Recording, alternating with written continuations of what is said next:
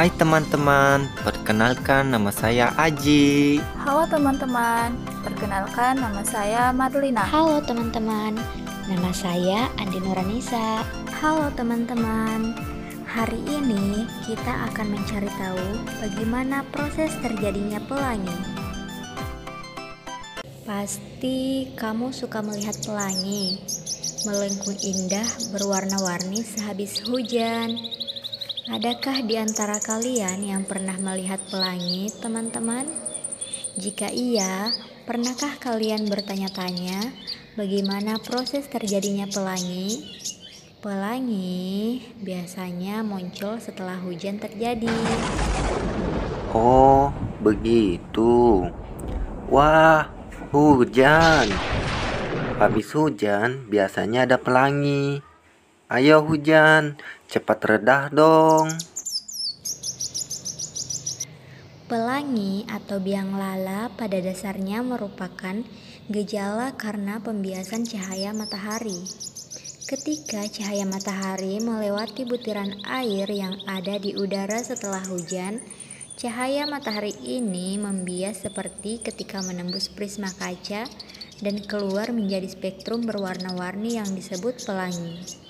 Sebenarnya, teman-teman, di dalam tetesan uap air, kita sudah mendapatkan warna yang berbeda-beda, berderet dari satu sisi ke sisi tetesan air lainnya. Beberapa dari cahaya berwarna ini kemudian dipantulkan dari sisi yang jauh pada tetesan air, kemudian dan keluar lagi dari tetesan air. Cahaya keluar kembali dari tetesan air ke arah yang berbeda bergantung pada warnanya.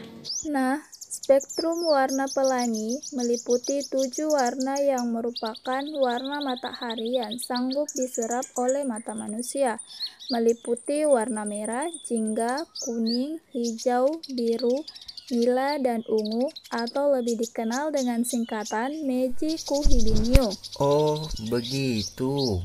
Kita ulang lagi ya teman-teman. Mejiku hibiniu. Merah, jingga, kuning, hijau, biru, nila, dan ungu. Wah, hebat. Semuanya mengingat warnanya. Akhirnya, teman-teman melihat indahnya pelangi di angkasa. Indah bukan? Indah kan ciptaan Tuhan? Jadi, pelangi bukan karena bidadari turun untuk mandi, dan bukan juga kalau menunjuk pelangi tangan kita akan bengkok. Bukan ya, teman-teman, itu cuma cerita belaka saja. Nah, teman-teman sudah tahu kan bagaimana proses terjadinya pelangi? Sampai jumpa kembali di Hiko, teman-teman. Dah.